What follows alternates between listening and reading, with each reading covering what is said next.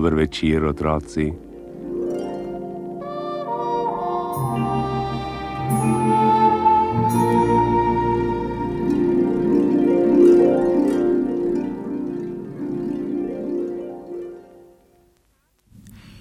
Stavim, da nimate devet bratov ali sester. Nekoč, skoraj v pravljicah, je bilo v družinah veliko otrok. Zdaj pa se je celo ježu in ježevki zgodilo skoraj neverjetno. Imela sta deset malih ježkov. Ko bi vi vedeli, koliko dela je bilo z njimi, če bi bili le štirje ali pet, kot je to v drugih družinah, bi še šlo, to da deset in še samih dečkov po vrhu, je bilo pa le preveč.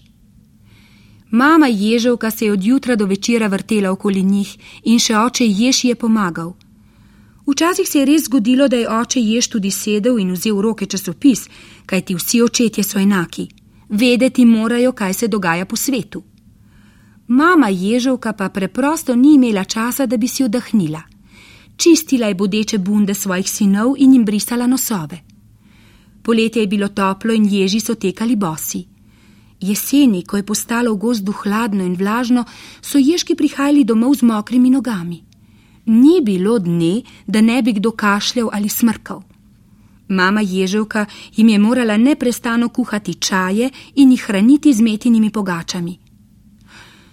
Po zimi jih bomo morali obuti, si je rekla ježevka.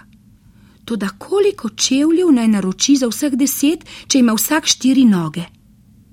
Dolgo je računala in na zadnje izračunala, da bo treba 40 čevljev. Iz omare je vzela suho kačjo kožo, se ogrnila s toplo pelerino in odšla k dolgouhemu zajcu krojaču. Hej, zajec, bi mi lahko iz tele kože ukrojil 40 čeveljčkov? je vprašala. Zajec je prikimal in že naslednje jutro se je oglasil pri ježevih. Oprosti soseda, to da te kože bo dovolj samo za 20 čevljev, je rekel.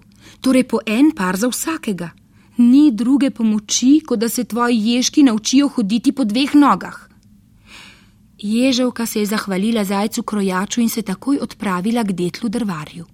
Pozdravljen, detel, kaj bi mogel iz pravke ustrojene kože zbiti čevlje za moje otroke? Takoj se bom lotil posla, vrni se zvečer, je obljubil detel. Toda, ko se je mama ježevka zvečer vrnila, je rekel: Oprosti, nisem imel dovolj žebljev, napravil sem samo pet parov ali deset čevljev.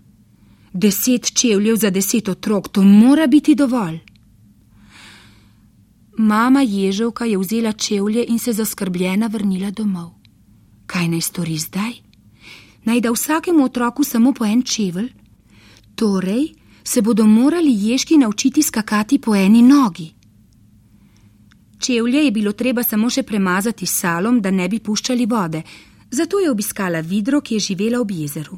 Vidra se je takoj lotila dela. Toda, ko se je mama ježovka čez čas vrnila, je videla, da je polovico čevljev odnesla voda. Ne jezi se, je rekla vidra.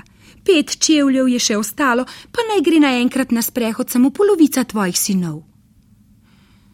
Mama ježovka se je sicer zahvalila za nasvet, vendar v resnici ni vedela, kaj naj stori. Ko je prišla domov, je sklicala vse svoje otroke in jih vprašala, kako naj razdeli čevlje. Česa vsega ježki niso predlagali, nastala je taka zmešnjava, da je očeta ježa zabolela glava. Kaj ne bi bilo bolje, če bi šli spat? Jutro je pametnejše od večera, je predlagal, saj je imel zmešnjave okoli čevljev že čez glavo dovolj. Drug drugemu so zaželeli lahko noč, zlezli so v svoje postelje in zaspali. Toda spali so tako trdno, da se niso prebudili ne zjutraj, ne čez teden, ne čez mesec dni. Po dnevi in po noči je bilo slišati iz njihovega stanovanja zadovoljno smrčanje. Tako je to. Ježi spijo celo zimo in se ne zbudijo vse do pomladi. Čevljev za zimo torej sploh ne potrebujejo.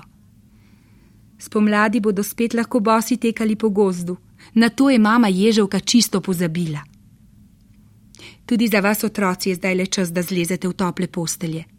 Zbudili pa se ne boste ne čez mesec, ne čez teden, temveč jutri. Naj bo lep in poln doživeti. Lahko noč.